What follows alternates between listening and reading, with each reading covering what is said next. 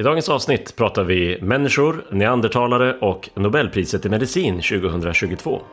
Jag heter Martin Helgesson och du lyssnar på Apologia-podden.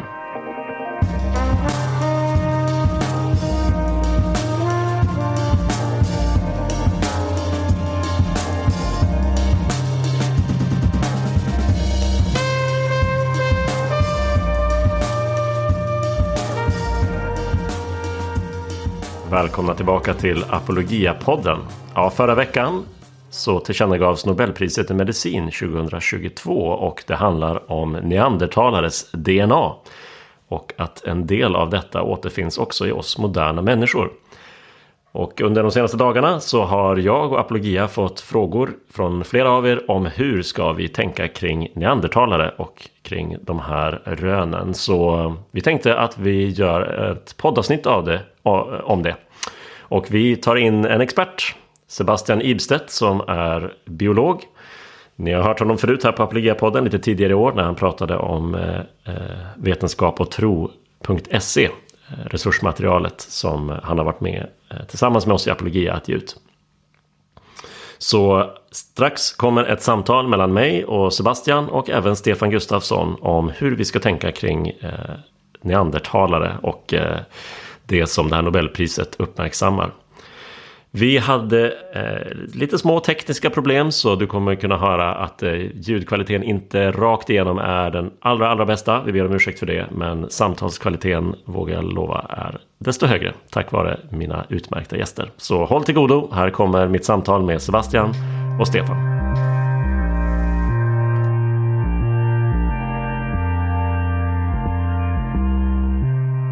Då eh, är det mitt eh, stora nöje att eh, hälsa välkomna både Stefan Gustafsson, min kollega i Apologia, och eh, Sebastian Ibstedt som är både läkare och doktor i biologi. Välkomna till podden.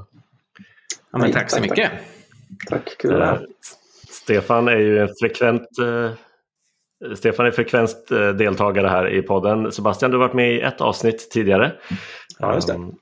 Och eh, vi är glada att ha med dig och din, eh, din spetskompetens här ikväll.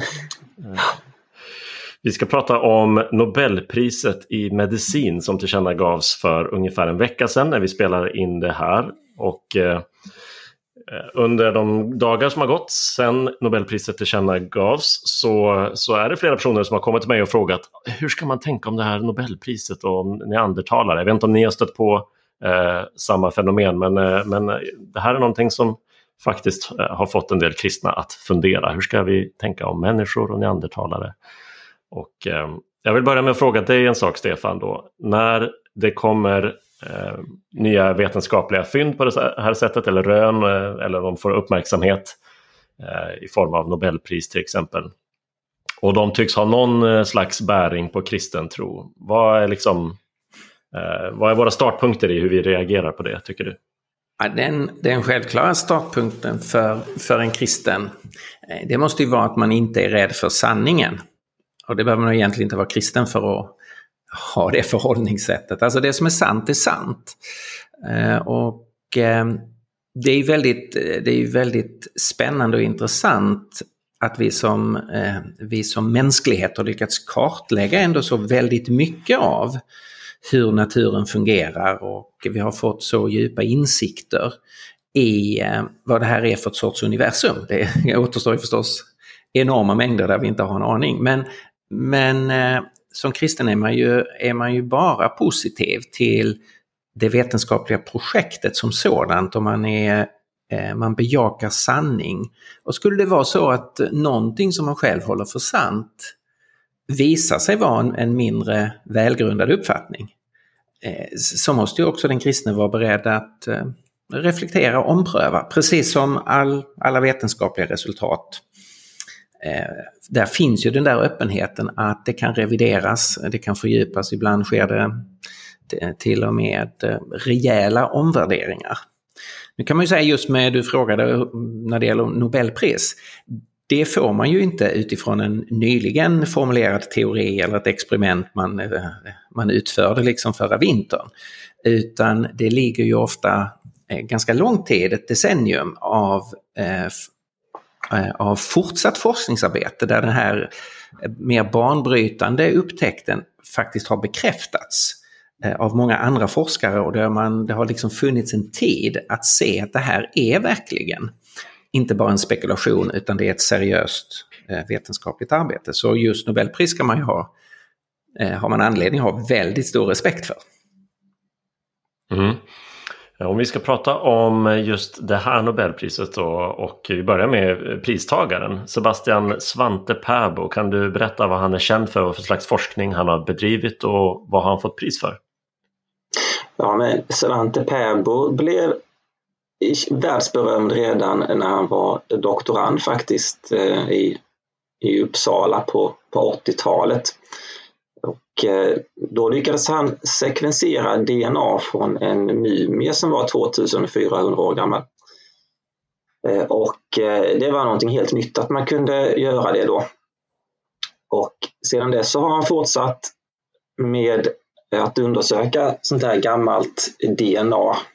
Man brukar kalla det för arkaiskt DNA ibland eller ADNA.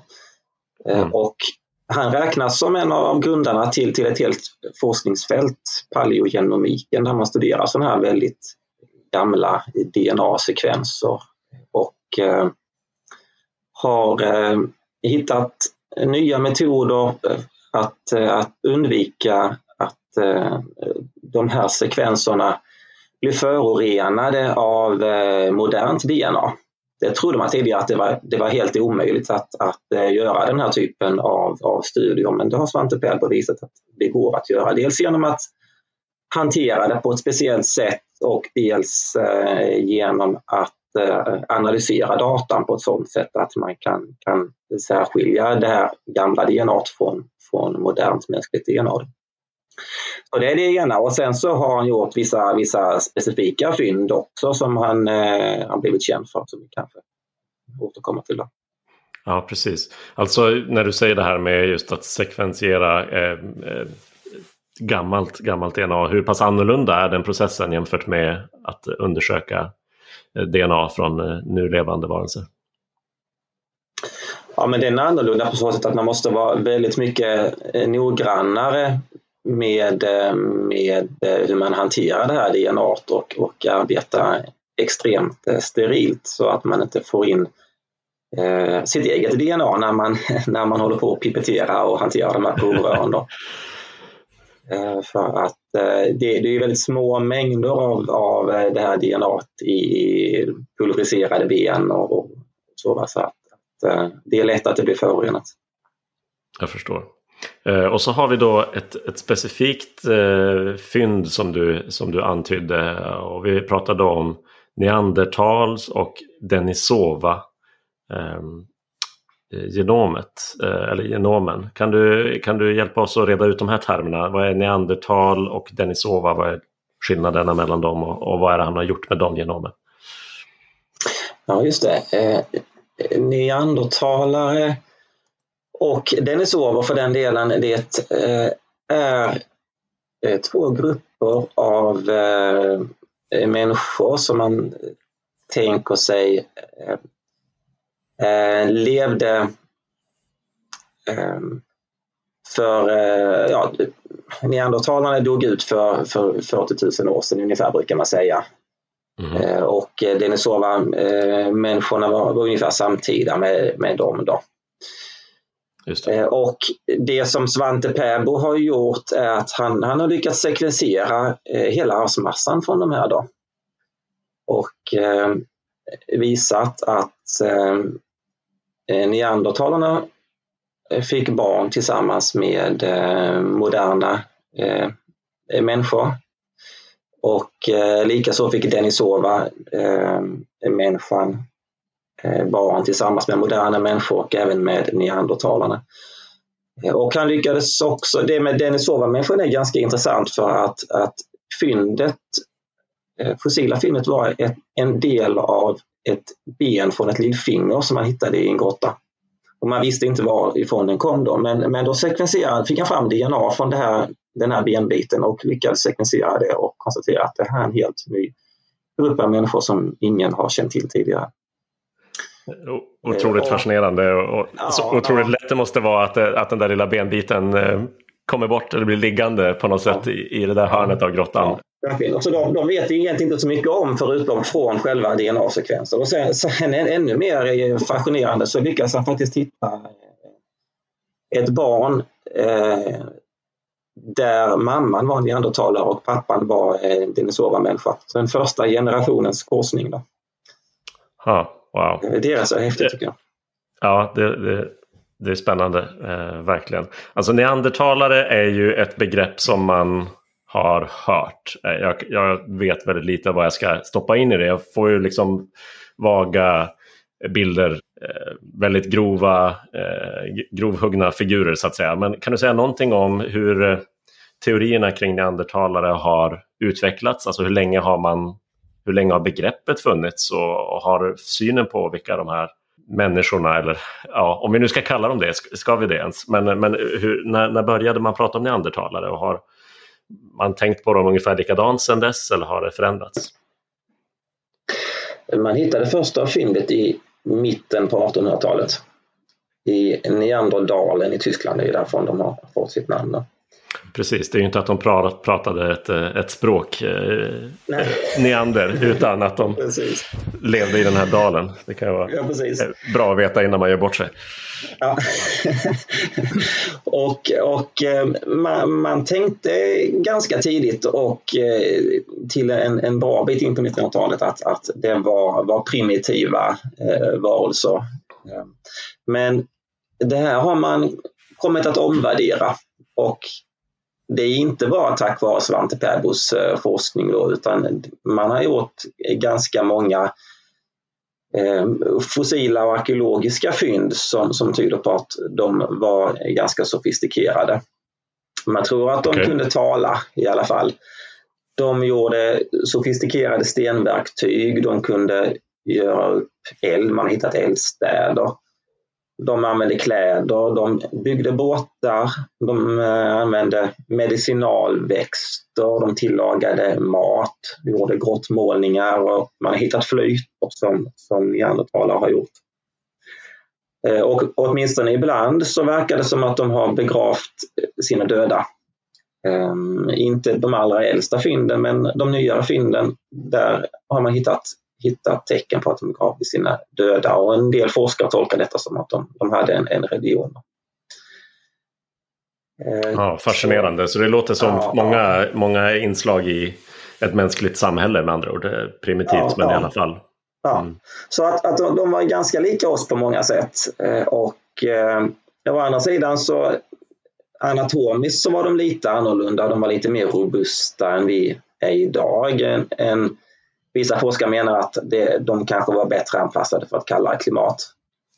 Ah. Hjärnan var, var ungefär samma storlek som människor har idag, men, men den var lite strukturerad, strukturerad lite annorlunda. Eh, och eh, neocortex, den delen av hjärnan som, som eh, ansvarar för, för eh, abstrakt och högre tänkande, den verkar inte ha varit lika, lika utvecklad då.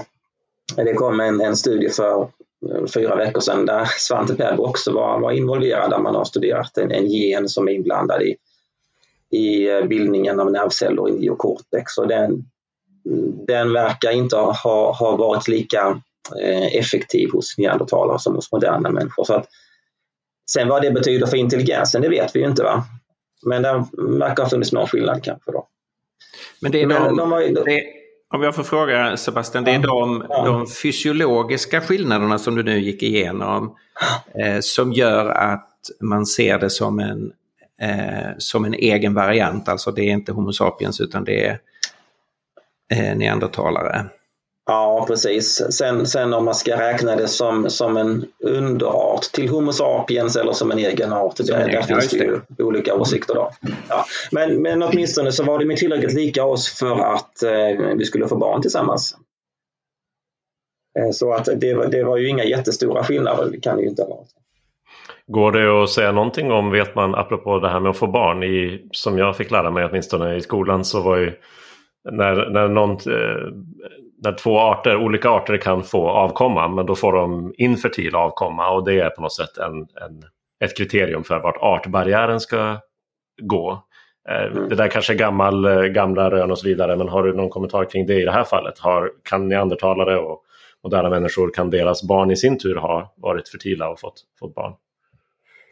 Ja, det, det, bör de ha fått därför att eh, vi har ju neandertal-DNA i vår arvsmassa idag. Så att på något sätt så har det kommit in i, i den mänskliga populationen. Um, alla, alla, alla människor, eh, med populationer utanför eh, Afrika har någonstans mellan 1 och 4 eh, procent av neandertal-DNA. Eh, de afrikanska eh, folkgrupperna har inte något eh, neandertal-DNA eller i, i vissa fall extremt lite. Då. Så det kan ha varit så att man, man tror ju att, att, att människan eh, uppstod i Afrika och sen, sen lämnade Afrika. Det är en, en teori i alla fall. Och det kan ju ha varit så att, att de här korsningarna mellan män, moderna människor och neandertalare, att de skedde efter att människan lämnade Afrika.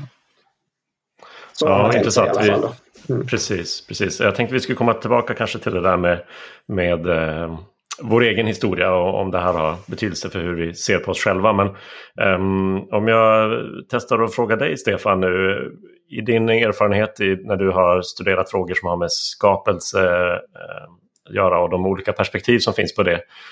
Um, hur, hur många Eh, ska vi säga, teologer eller de som jobbar med frågor om vetenskap och tro passar liksom in neandertalare i en kristen världsbild på ett speciellt sätt? Har du sett många olika sätt att göra det eller förhåller man sig inte alls till det här? Vad är, din, eh, vad är ditt intryck, din uppfattning? Eh, ja, det, här, det, är ett, det är ett väldigt spännande samtal det här och de, de här frågorna, alltså att eh, det, det har funnits människor Eh, människovarianter annorlunda än vi tidigare eh, det är ju i sig väldigt fascinerande att försöka förstå eh, vad för sorts varelser var de, i vilken mening var de, i vilken mening var de människor. Eh, och sen är det ju förstås lika fascinerande det faktum att eh, vi idag bara är en människosort eh, på planeten jorden. Så att säga att Eh, vi är en mänsklighet. Eh, även om vi, det finns den här förhistorien. Teologer eh, skulle jag nog säga har eh, jobbat lite för lite det, eh, med de här specifika eh, frågorna.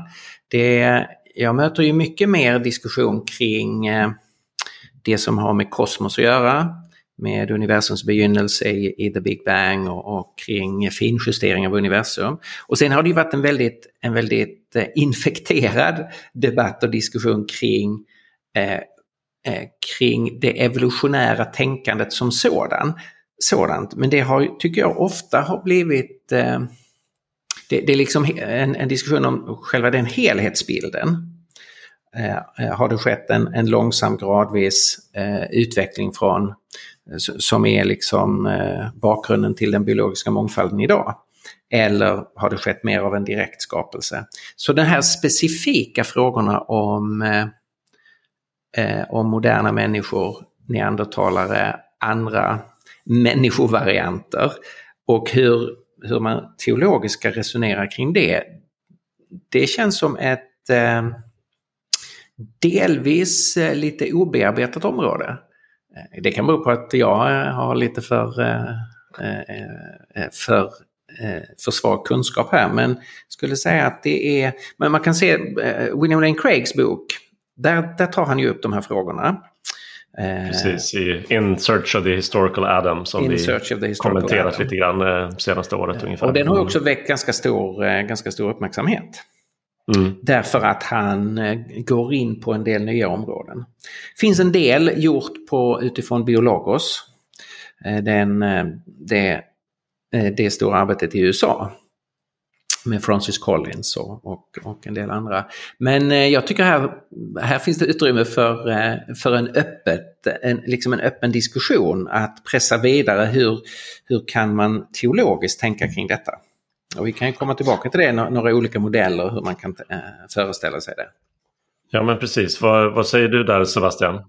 får jag fråga Stefan också, har, har du märkt av ett, ett ökat intresse bland teologer i samband med Craigs bok och, och allt det andra arbete som görs?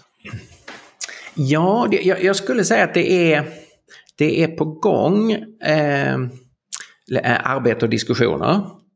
Eh, kring både den historiska Adam och frågan om ett historiskt syndafall. Därför att det är, det är två frågeställningar med, med ganska stor liksom, teologisk signifikans.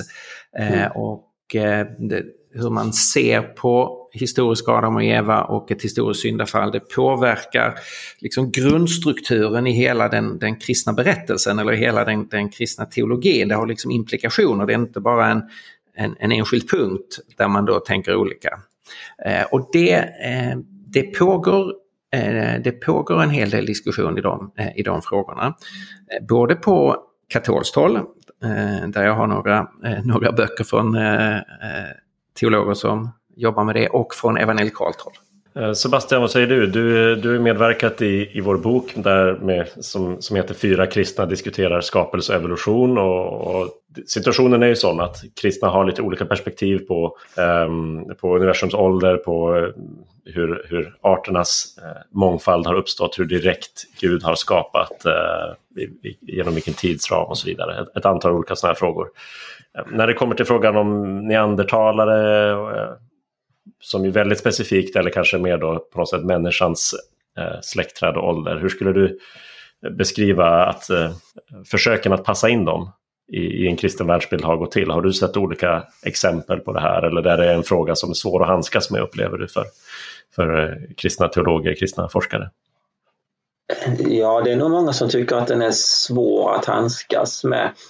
Eh, när man först hittar en neandertalare så tänkte man sig att det här var varelser som levde innan, innan eh, syndafloden och som, som dog ut på, på grund av den. Då. Det var ett ganska vanligt sätt att tänka. Eh, men, men ehm, det, ja, som du säger, det finns ju olika uppfattningar. Ehm, om, en, en del har ju tänkt sig då, eh, ofta då, ehm, de som, som brukar kallas för, för unggjordskreationister, den, den, eh, som har den, den tolkningen av skapelseberättelsen då, har tänkt sig att eh, neandertalarna var fullt, eh, fullt mänskliga och ättlingar till Adam och, och Eva. Och eh, enligt den teorin så, så stämmer ju Svante Pääbos eh, resultat väldigt bra för att eh, ja, då är det ju inte alls konstigt att de har fått barn tillsammans. Nej, verkligen. Moderna människor, de, de, de var ju fullt mänskliga. Så, som såg lite annorlunda ut av olika skäl på grund av klimatet eller att de åt annan, annan kost. Så det, det, är ju, det är ju ett sätt att se på det. Ja. Det innebär då eh, att kronologin i förhållande till normalvetenskapen och dateringarna är, är den, blir den stora skiljelinjen så att säga. Ja, ja, ja så är det ju. Så är det ju. Eh, ett annat sätt att se på neandertalaren som, som är vanligt bland, bland så kallade gammaljordskreationister det är att eh, neandertalare och moderna människor inte är besläktade med varandra utan att det är två eh, grupper av organismer som har skapats separat av Gud. Eh, där bara den moderna människan är skapad i Guds avbild och neandertalaren eh, är djur. Och eh, de, de, de som, som har den här uppfattningen var ju väldigt skeptiska till, till Svante Pääbos forskning när, när han först visade då att det faktiskt har har skett eh, korsningar mellan neandertalare och moderna människor. Men, men sen har man eh, kommit att acceptera det och ser det som att, att eh, detta visar att människan var, var väldigt ondskefull i, i skapelsens början och att det var på grund av det som Gud spridde ut människan över jorden. Och att det inte skulle ingått i, i Guds avsikt då att människor och neandertalare så att säga fått barn tillsammans eller? Ja, inte att det var Guds avsikt, men att Gud skapade neandertalaren som ett djur som var så pass lik människan att, att de ja. var reproduktivt kompatibla. Just det. Eh, så att det blev eh, hybrider mellan människor och djur. Då. Mm. Men, men även de kristna som har den här uppfattningen då, till exempel Reasons to Believe i, i, i USA, de, de är väldigt positiva till Svante Pääbos forskning därför att den har ju hjälpt dem att, att revidera sin eh, modell av, av eh, människans eh, ursprung. Och ett, tredje synsätt är eh, teistisk evolution eller, eller evolutionär kreationism som det kallas ibland. Då. Och, eh, det, den uppfattningen är ju att, att ja, som, som normalvetenskapen då, att människans och det moderna människans och neandertalarens gemensamma förfader levde någon gång för mellan 300 och 800 000 år sedan. Det är ett ganska stort tidsspann där, men det är lite svårt att datera närmare har det visat sig. Då. Mm. En viss vetenskaplig osäkerhet där på en ja, 500 000 ja, år. Det finns, det, det, finns, det, det, det, det finns många frågetecken där kring, mm. kring när de skiljer sig åt. Men att efter detta så, så uh, var de ändå så pass lika varandra att de kunde få barn tillsammans. Och ehm, man kan säga att, att de här tre modellerna har ju väldigt olika syn på neandertalarens och den moderna människans förhållande. Men alla tre har varit väldigt positiva till det här Nobelpriset och tycker att det är, det är välförtjänt. Så att, eh, det, det, är nog ganska vedertaget eh, bland många kristna som har fördjupat sig i de här frågorna att, att eh, Svante Pääbo har gett oss mycket ny kunskap om, om neandertalaren och om människans ursprung. Sen, sen tolkar man det på lite olika sätt. Nej, men det, det låter väldigt roligt, både eh, så att säga i, i bemärkelsen att det är positivt att grupper som har så olika synsätt ändå eh, alla bejakar den här forskningen och det är ju lite roligt på det här på ett lite komiskt sätt så att säga. Att man, även om man inte alls är överens så tycker man att Åh, det här bekräftar precis vad vi redan eh, tycker och tänker. Mm. Men eh, det kanske vi kan lära oss någonting av att det är så. Att, eh, att forskningen ibland, eh, även när den ger oss mycket ny kunskap så väcker den också många nya frågor och är öppen för ett antal olika tolkningar. Ja, det är ju, det, det, vi, ställer, vi, vi, står ju inför det liksom, den grundsituationen att naturvetenskapen kartlägger och ger oss eh, viktig information, viktiga faktabitar eh, på, olika områden. Men Eh, Eh, hur man sen ska foga samman det i någon sorts helhetssyn, en livssyn, världsbild, filosofi, hur man tänker om, om tillvaron som helhet. Där kommer ju en mängd andra faktorer in.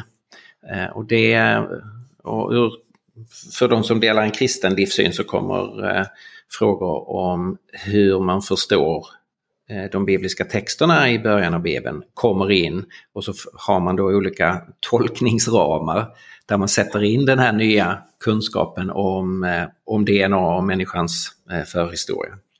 Jag tror att det är förhastat att säga att den här forskningen bevisar eller motbevisar en särskild skapelsemodell utan mm. Ehm, alla kan, kan ta den till sig och sen så ser, ser man resultaten på lite olika sätt. Eh, att bevisa och motbevisa en så omfattande teori som, som, som eh, evolutionsteorin, det är inte så lätt. Så eh, med viss sannolikhet kommer vi få leva med det här samtalet ja, jag tror det. kristna emellan under lång tid framöver. Jo, det tror jag också. Jag tror det är, det är exakt så det är och därför behöver vi lära oss att föra det samtalet på ett, ett riktigt bra sätt. En, en sista fråga till er båda. I ljuset av de här fynden då från eh, Svante Pääbo och det, inte minst tänker jag den här aspekten av att vi eh, många av oss moderna människor eh, går och bär på någon procent neandertals DNA och jag gissar att vi alla frestas och, och funderar på vilka människor i vår omgivning som har flest procent eh, av det där. Eh, men ehm, det jag skulle komma till var att i ljuset av det borde vi ha borde vår syn på oss själva och vår förståelse av oss själva som människor, som Guds avbild, påverkas på något sätt av det?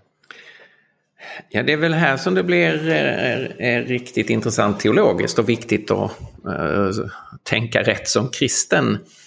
Jag har Jag har ofta för att sätta, liksom, sätta ljus på den här frågeställningen så har jag, Eh, har jag utmanat den här tankegången som man ibland hör från, från kristna. Nej, men, eh, jag, eh, jag kommer inte från aporna eller människan kommer inte från aporna.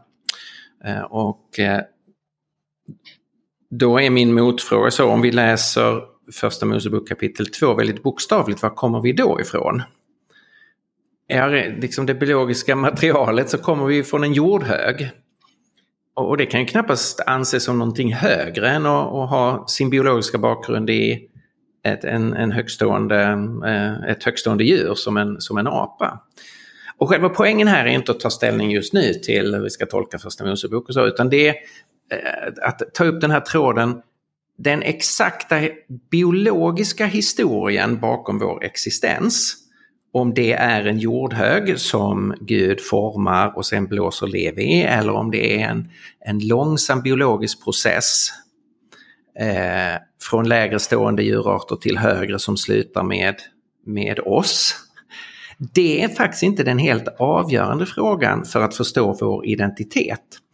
Eh, och det är här som begreppet Guds, Guds avbild kommer in, att eh, eh det som alla kristna är överens om det är ju att människan är skapad av Gud som en unik varelse som är den enda varelsen som har fått den här stämpeln, den här, eh, eh, den här eh, identiteten, det här märket i sitt väsen på något sätt, att vi är Guds avbilder. Vi liknar Gud på vissa egenskapsområden. Och att vi är kallade till Gud, alltså att vi har vi är kallade till en ansvarighet, en relation, en kärlek, eh, Eh, en, en fortsättning på ett, ett sätt som övrigt biologiskt liv inte har. Och därför så blir själva grundfrågan för, eh, för mänsklig identitet nu, det är detta med Guds, Guds avbild. Och då kan man ju tänka sig flera olika modeller för när den här identiteten kommer in eh, eh, liksom på jorden. Man kan förstås tänka sig en direkt skapelse där Gud skapar en, en varelse som han eh, gör då till sin avbild.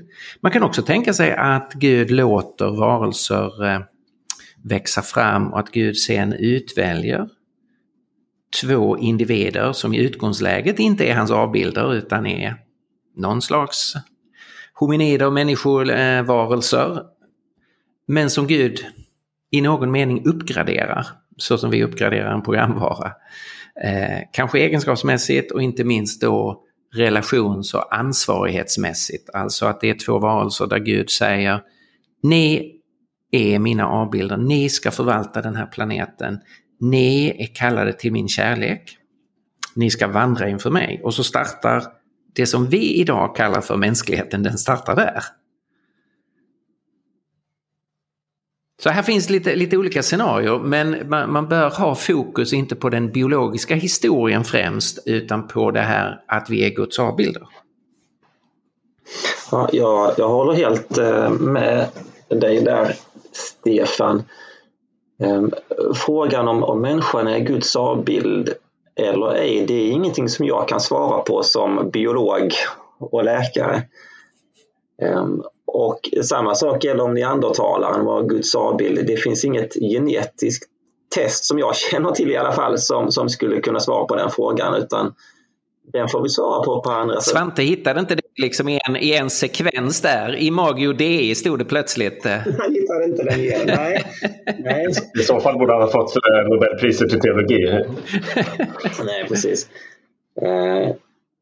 och, och, nej men, och det är ju, det är ju den, den uh, verkligt relevanta biologiska frågan. Människan som, som Guds avbild. Och sen som du säger kan det ha gått till på olika sätt. Ehm, och uh, nej, det fin finns olika sätt att tänka sig kring um, neandertalarens släktskap med moderna människor. Och det är ju egentligen en separat fråga från hur vi tänker oss människans och neandertalarens eventuella släktskap med, med övriga organismer.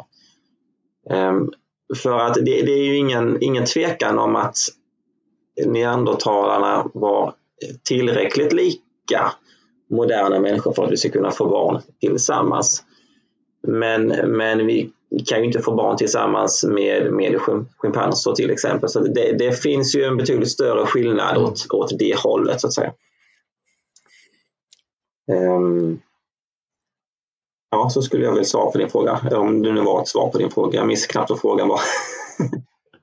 jo, men det var den absolut. Eh, det var den absolut. Jag tror det är viktigt att komma ihåg det där att vi ska studera um, de biologiska frågorna förutsättningslöst och sen eh, inte förvänta oss att, eh, att eh, det finns så att säga, en ett till ett eh, korrelation mellan ett visst fynd och en, en viss eh, teologiskt begrepp eller teologiskt perspektiv utan eh, det, det, måste vara en lite mer djupgående och diskussion kring det där, där det säkert kan finnas många olika alternativ och modeller för hur man relaterar dem till varandra. Mm. Um, vi ska säga till er lyssnare, vi, uh, har, uh, vi närmar oss slutet av det här samtalet. Ni som funderar mer på frågor om skapelse och ursprung och sådana här saker, ni har redan uh, vår bok Fyra kristna diskuterar skapelse och evolution som vi varmt rekommenderar där Sebastian har skrivit ett av kapitlen.